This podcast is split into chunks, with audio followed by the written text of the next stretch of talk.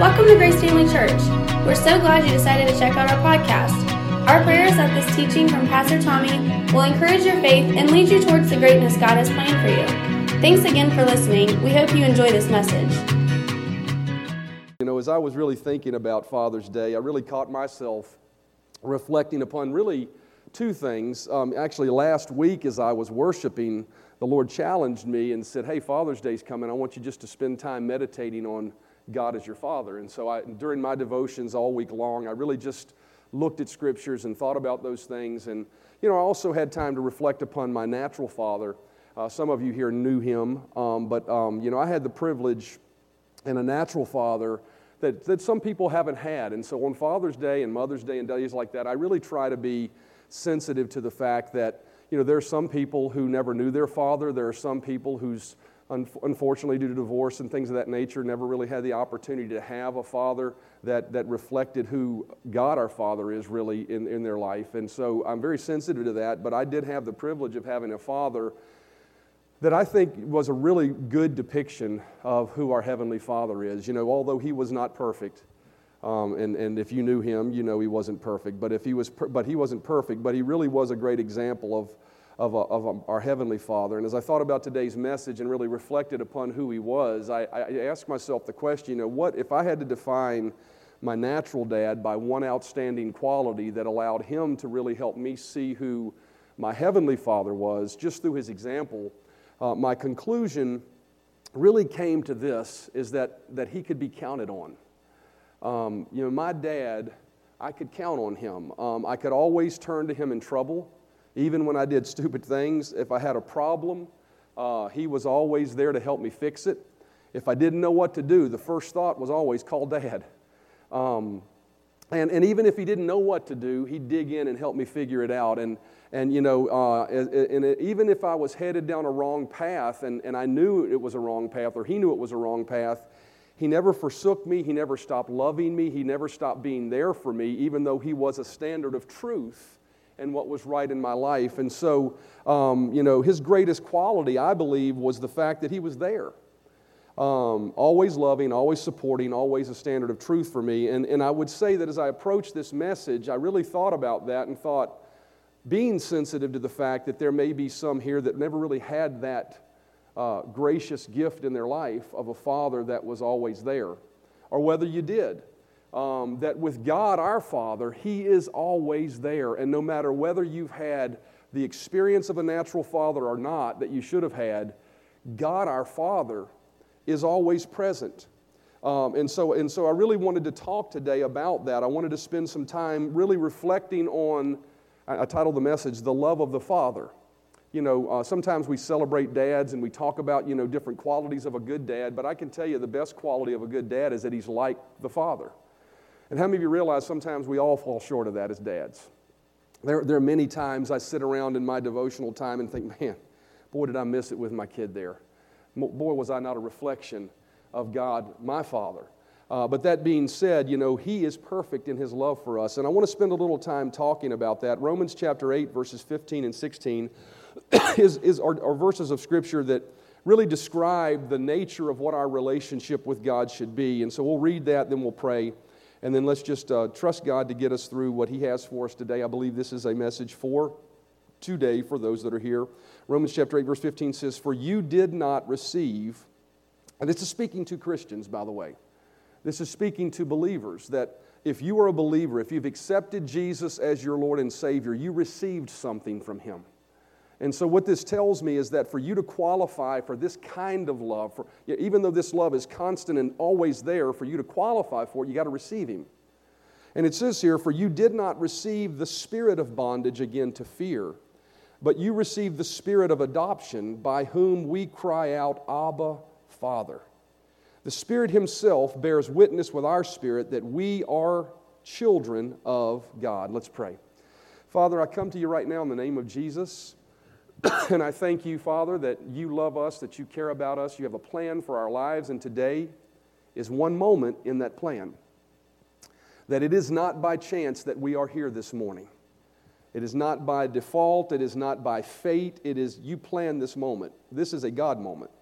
There may be moments in our life that are not, that just happen, but this is a God moment because we're here. And so I thank you, Father, that by your Spirit you will reveal your truth to us, you will make yourself plain to us, and we will have been better because we arrived at this moment. Thank you, Holy Spirit, for doing that, accomplishing that, working through me to do that. In Jesus' name, amen. Um, you know, as I look at these verses, as I said just before we prayed, you know, these verses really typify what a relationship with God, our Father, should look like if you're a believer. And I think it's all centered around really right in the middle of those two verses, the two words Abba, Father. That word Abba, Father, if you've been in church very long, especially if you've been in this church very long, you've heard me define before what that word Abba means. That word Abba doesn't just mean father, because if you just said father, how many realize father sometimes sounds sort of formal? But that word Abba is a word that is a very intimate word that an infant, not, not a non speaking infant because he couldn't say the word, right? But, but it's the word that reflects uh, what a, a, a toddler, a young child, would, would think of and express towards their father, their natural father. It's the word Abba. In terms of a very, it, it, it's, a, it's, a, it's a term of endearment and it's a term of extreme confidence in the love of the Father. As I think about the term Abba, what it really reflects is this not even the word submission, because that sounds like something we have to do, but it's this recognition of how great and big and awesome our Father is. When I think about my dad, see, I called my dad Dad. I didn't call him Father. You may have a term of endearment for him, but I called him Dad. And as I thought about that word, I thought about what it encapsulated. When he passed, I recognized what a big gap that left in my life. Um, not, not because God couldn't fill it, but because my dad had filled that place in my life where he was the guy I called. He was the guy that was like, if I didn't know what to do, I could always ask dad. If I ran short, I could call dad. He'd figure out a way to make it right.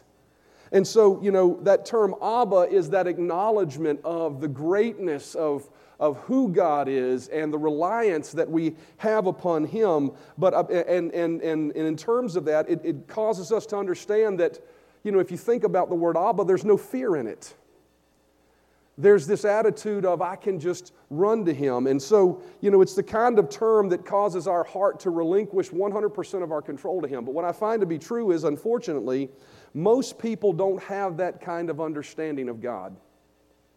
I would venture to say that even, and, not because, I would just venture to say that probably 90, maybe more percent of Christians don't have the full understanding of that word in their lives. Why? Because at some level they're afraid of him at some level there is a fear. And you know, the Bible says we should fear God, but not be afraid of God. That word fear means we should be an awesome reverence of Him. You know, and not, not where we're fearful of Him. And so, you know, at some level, I think people live their life not understanding the love of the Father for them to the end that Abba takes the full realization in their life. They, they, they're afraid of God in some respects because they're afraid that if they don't maybe measure up to His standard of holiness, that maybe His love for them ebbs and flows. You know, there are some people that are fearful of the day they'll stand before God for fear that, you know, even if they were Christian and they accepted Christ, that fearful that at some point, you know, maybe God will cast me out, maybe He won't accept me.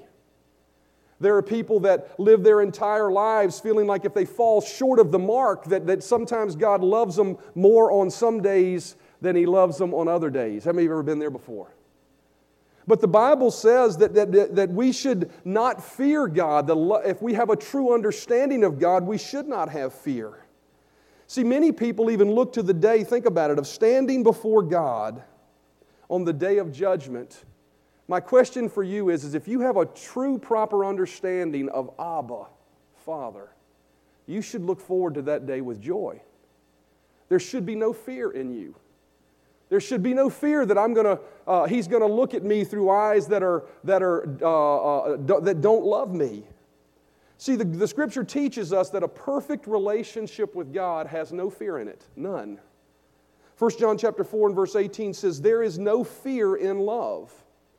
But perfect love drives out fear because fear has to do with punishment. The one who fears is not made perfect in love. The Bible teaches us that if our understanding of God's love for us is perfect, then we won't be afraid of Him. We won't be afraid when we sin if he, that He disapproves of us. We won't be afraid if we fall short of the mark that He might relinquish His hold on us. We won't be afraid that if we go to the uttermost parts of the earth away from Him, that somehow He has distanced Himself from us. We must not live in fear. Why? Because God's love will never stop being there. I said, as I thought about the quality of my dad, that was the most enduring quality, the one that stood out the most to me, was he was always there.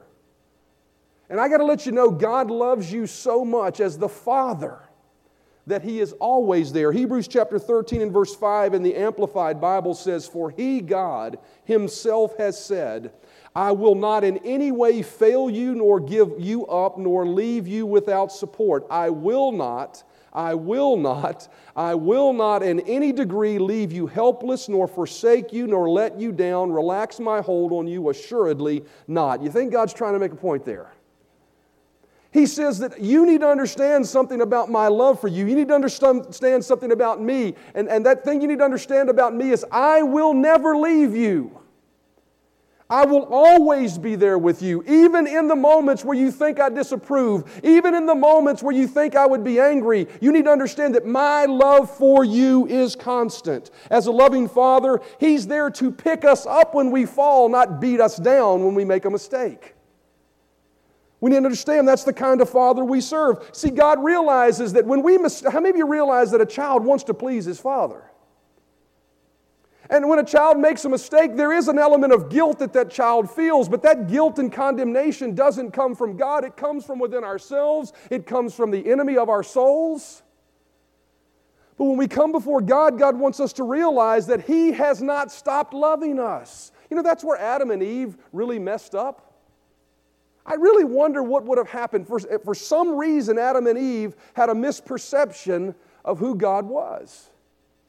Because when they sinned, what does it say they did? They ran and hid from him. How much would things have been different in the scope of all creation had they just run to him? You know, I don't know the answer to that. That's a good question. Maybe one day I'll sit on God's lap and I'll ask him and he'll tell me. But the reality is is they ran from him. Why? Because they had a misunderstanding of the love of the Father. They thought the Father would not care for them because they displeased him. But what the scripture tells us in the verse we just read is, He will not leave you.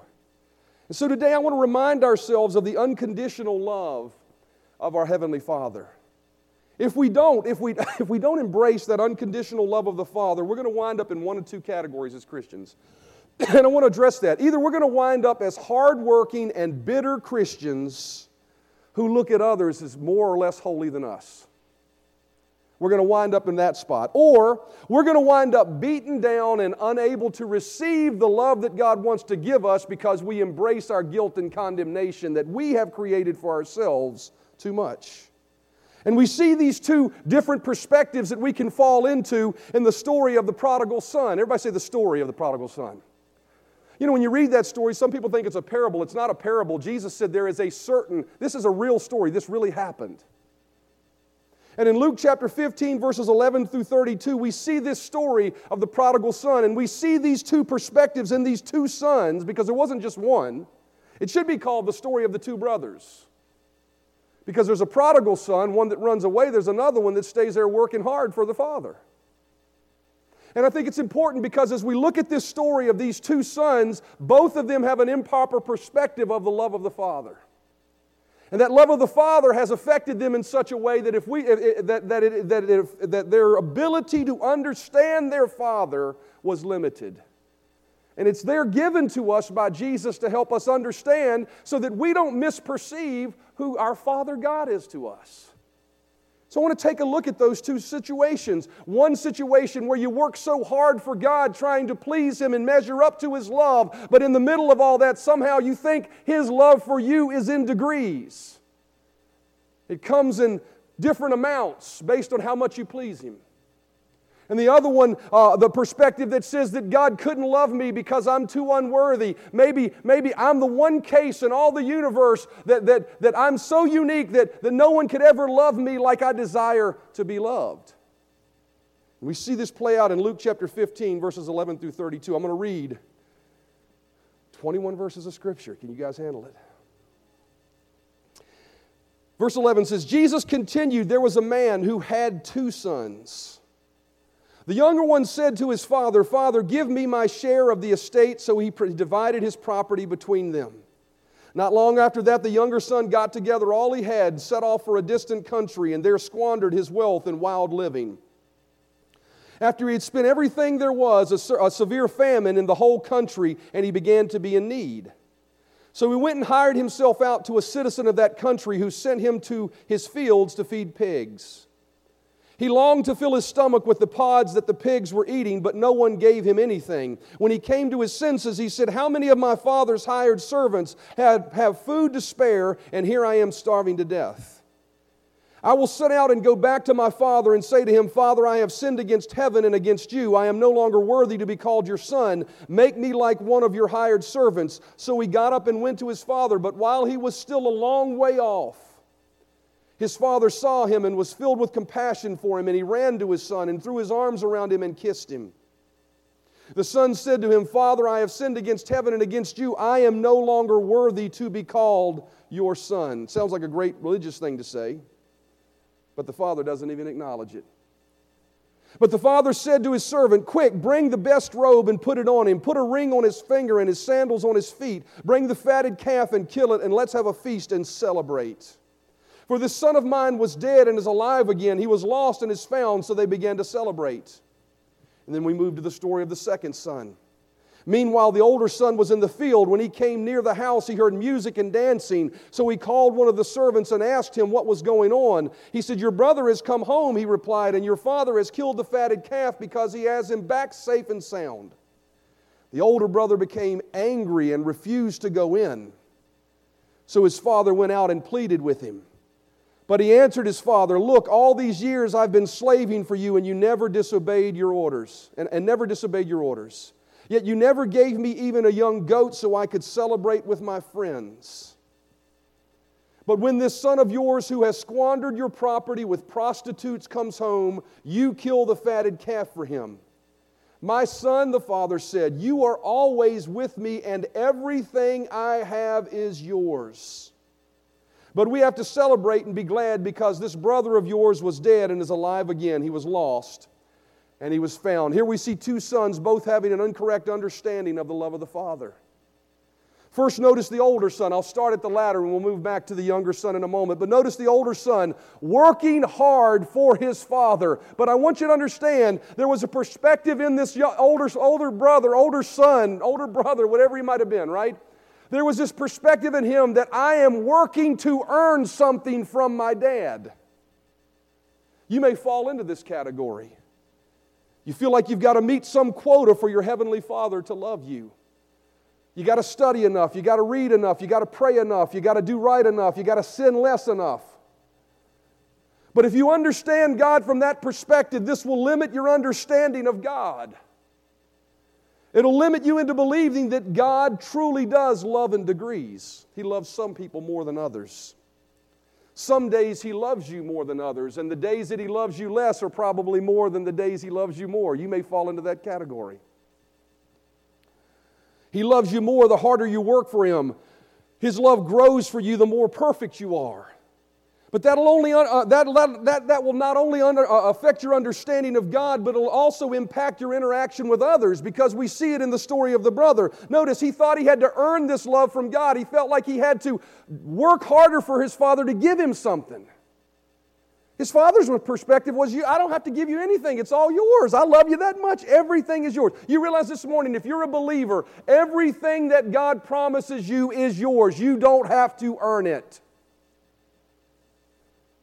On your worst day, everything that God has is yours. On your best day, everything God has is yours. The older brother thought that he had to earn that love. And I'll tell you what that'll do is if you live with that mentality, not only will it affect your ability to understand God, it'll affect how you interact with others. You'll become judgmental. You'll become holier than thou. You'll become a critic of the world around you. Everybody doesn't see things as highly as you see things. Everybody doesn't live by the standard that you believe God would have us live by. That's what the Bible tells us to judge not. Why? because it's not our place to judge. Why? Because God, once you've accepted Jesus, you ready for this? Doesn't judge you. He just loves you because of the shed blood of Jesus. And so it's important for us to recognize that we don't have to work for it. The other older brother thought that he had to deserve God's love and that he deserved something from the Father more than this brother. I mean, how arrogant is that? For any of us to think that, well, I deserve this more than someone else. You ever been there before? Well, I don't understand why they got that. I, am I'm, I'm living right. I'm doing. Listen, how many realize we all have sinned? Living right or not living right, I can promise you there are rough edges that need to be shaved off of you that you don't even realize. See, when we understand that God loves us perfectly and He doesn't love us in degrees, that all that God have, heaven, all that heaven has to offer is extended to us right now, this day, just because God loves us, it should allow us to relinquish our bony fingered, judgmental attitude towards the world around us. I will tell you, anytime you catch yourself wagging your head at someone and saying, I cannot believe, you need to start pointing the finger back at yourself. Why? Because God has called us to understand that He, for God so loved the world that He gave His only begotten Son. And not only will this feeling cause you to feel like you need to earn it and that you're better than others, but it'll also limit the amount of blessing you receive. How many of you realize the older brother didn't receive all that the father had from him? He spent his whole life out there working, waiting for God to give him something, failing to realize that it had already been given to him just because he was a son. And all he needed to do was partake of it anytime he wanted it. And so it will limit the amount of blessing. We have to understand that God does not love us in degrees. I pray that God helps me get this message, this, this point across. All the love that God has for you this morning is extended to you right now. That should cause you to shout if you really want to think about it. He is not withholding a portion of His heart waiting for you to get right. Some people say, yeah, but if I don't get right, I'll. Ne-. Getting right is all about you getting in the right place, right? It has nothing to do with Him relinquishing something to you. He's not withholding an ounce of His love for you. See, He's not a God like a man. He's not a God like a man who would let us down and walk away from us and hurt our hearts and cause us to wonder, why am I so unique that I don't have a father? He's a God that says, I love you constantly and continuously, and my love for you is not withheld from you. John 3.16 says, For God so loved the world that he gave his only begotten Son, that whosoever believed in him should not perish, but have everlasting life. God already gave us Jesus. Colossians chapter 2 and verse 9, it says, For in Jesus dwells the fullness of the Godhead bodily. He gave us the fullness of Himself when He gave us Jesus. He gave us his, his, his full heart, His full mercy, His full love, His full grace. You need to understand this morning that the full measure of God's love, the full measure, think about that for a minute. The God that created everything the full measure of His love is flowing to you right now. The question is will you believe that and receive that? Or will you be like the older brother that feels like I didn't earn it? Now, as we look at the younger brother, we see the exact, the, really the antithesis of the very same problem that the older brother had. See, the older brother thought he had to earn God's love, and if you don't really realize it or not, the younger brother believed the very same thing. He believed that he had to earn God's love, and because he had not been working hard in the field, because he had not toed the line, that he was unworthy of that love. In the older brother, it created a sense of self righteousness and judgmental attitudes and bitterness, but in the younger brother, it, it created this attitude of guilt and, and I'm not worthy. You know, I got to tell you something. You don't have to be out there living with the pigs and sleeping with prostitutes for you to carry around this attitude. You can be living your everyday life, getting up every morning, reading your Bible and doing your devotions and studying and trying your best to please God, but walking with guilt and condemnation. Why? Because how many of you realize when you look in the mirror every day, you see yourself? How many of you, when you look in the mirror, you see somebody else? Maybe you'd like to, but you see yourself. You see your flaws. You see your mistakes. And I'm not just talking about the natural mirror. I'm talking about the lens that when we look at ourselves, the man in the mirror, there are times where we see our deficiencies. And because of that, we can walk around with condemnation. We can walk around with feeling like I didn't measure up today, and we can beat ourselves up. And that's the position that this younger son was in. He saw his flaws, he saw his mistakes, and what did he say? He said, Father, I'm not worthy of your love. I think about that for a moment. He considered his measurement of being able to receive God's love as a higher standard than God had for himself. Because when God looked at him, when, when the Father looked at him, he said, You are worthy of my love. See, we walk around as sinners and I'm not worthy. And I get that argument. I get that side of our perspective as human beings. But one of the things we have to understand is that we are His creation and He loves us. Ultimately, we are not His enemies. He is trying to win us, He is trying to woo us, He is trying to love us. We spend our entire lives trying to climb the ladder to grab that ring of His love when He says, You don't got to work for it at all, I just want to give it to you. Luke chapter 15 and verse 17 through 24, let's read it again of the Son. It says, When he came to his senses, he said, How many of my father's hired servants have food to spare, and here I am starving to death? I will sit out and go back to my father and say to him, Father, I have sinned against heaven and against you. That's good, that's fine. He's got it right so far. But then he buys into the lie. I am no longer worthy to be called your son. Make me like one of your hired servants. God is not interested in making you a servant this morning. He is interested in loving you as a son or a daughter of God. So he got up and went to his father. But while he was still a long way off, his father saw him and was filled with compassion for him and ran to his son and threw his arms around him and kissed him. How many times, I just thought of this, how many times do we come to the Father looking for what we need and we carry with us the list of things that disqualify us or qualify us for receiving it? Is it healing you need today? You don't have to qualify for it.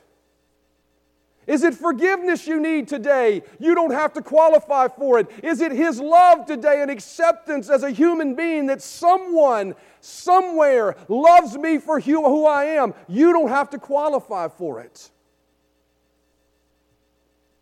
He says he ran to him and kissed him, and the son said, Father, I have sinned against heaven and against you. I'm no longer worthy to be called your son. Notice the human nature, even when his love comes rushing towards us to let us know that I am a father that is constant. I won't leave you. I won't forsake you. I love you. We still have this human nature that wants to say, I'm not worthy of that. The question is, will we allow our condemnation and guilt to succumb to the love of the Father every day of our lives? But the father said to the servant, didn't even acknowledge what his son said there. He just said, ah, this hogwash. Quick, bring the best robe and put it on him. Put a ring on his finger and sandals on his feet. Bring the fatted calf and kill it. Let it. Let's have a feast and celebrate. For this son of mine was dead and is alive again. He was lost and is found. So they began to celebrate. It didn't matter to God what his son had done. See, sometimes I think we come to God. How many of you have, have, have, done the same thing more than once in your life that was wrong? Same thing. How many of you have gone to God and said, I'll never do that again, then you do it again? Sometimes I think when we come to God and look for His forgiveness after we've made a mistake and maybe made it continually, that we come to Him and at some point He's weary. He's like, All right, I'll forgive you again. But that's not the way it is with God.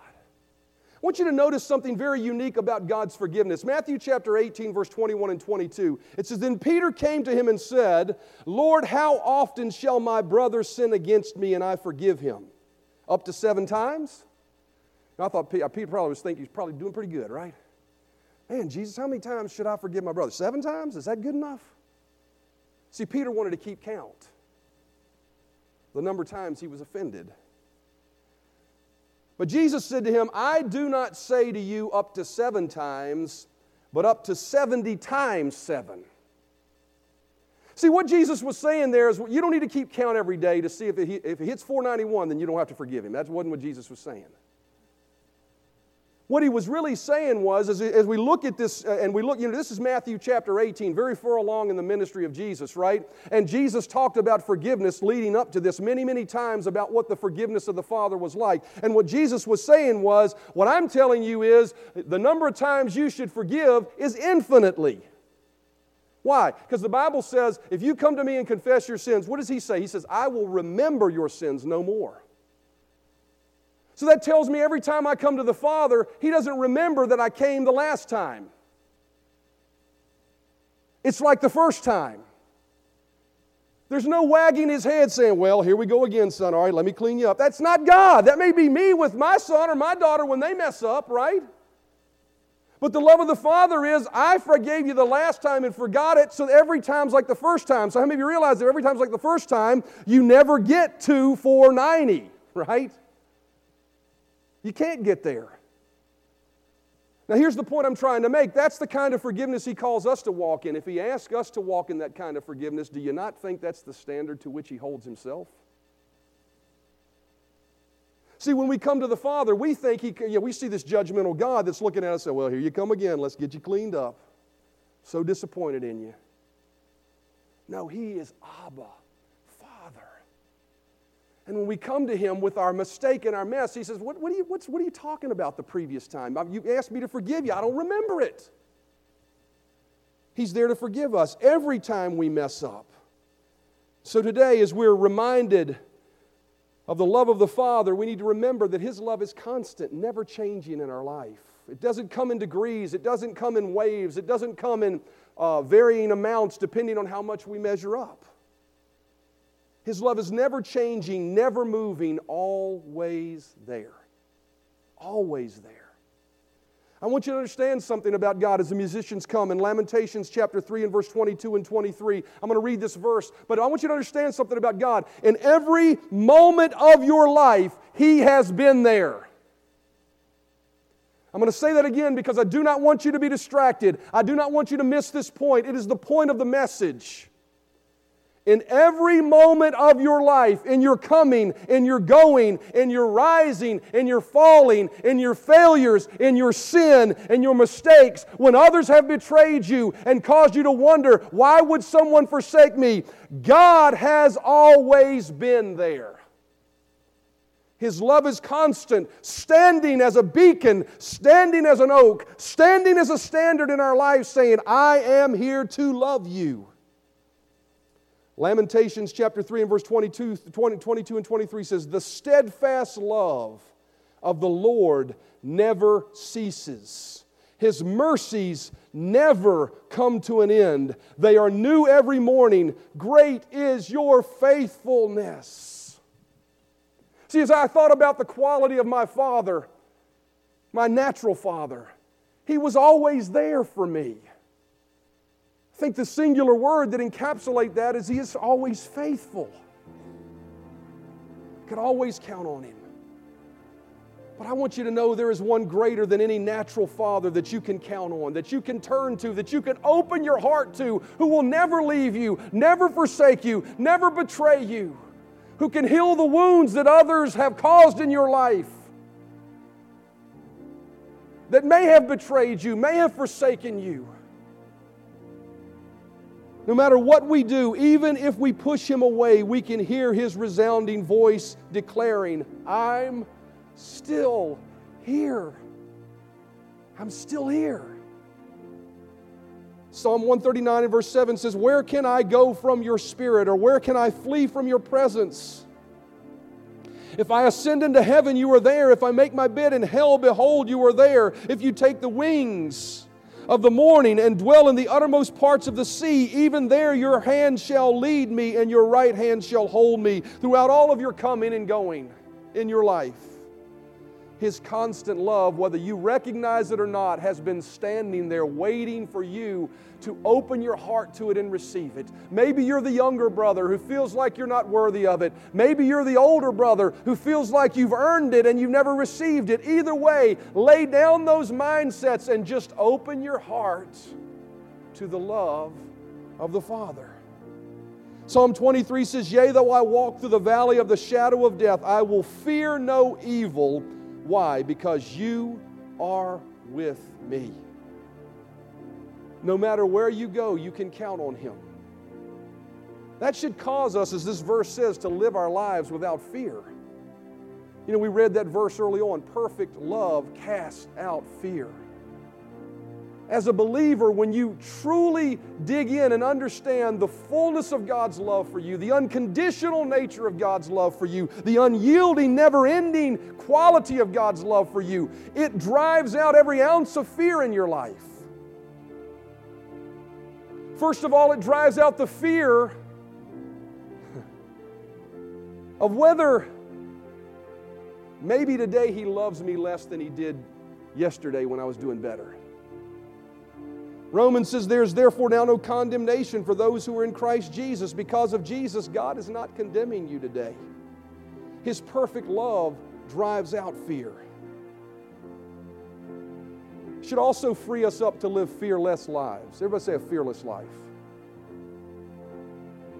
It says, what, what then shall we say in response to these things? If God is for us, if my Father is for me, who can be against me?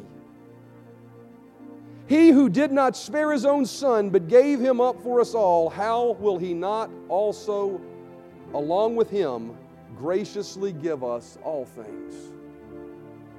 When you know that God is for you, when you know that God loves you, when you know that He cares for you and His love will never cease for you, it should free you up to receive love from Him vulnerably. It should free you up to step out in obedience to Him without fear of failure. Why? Because He's there.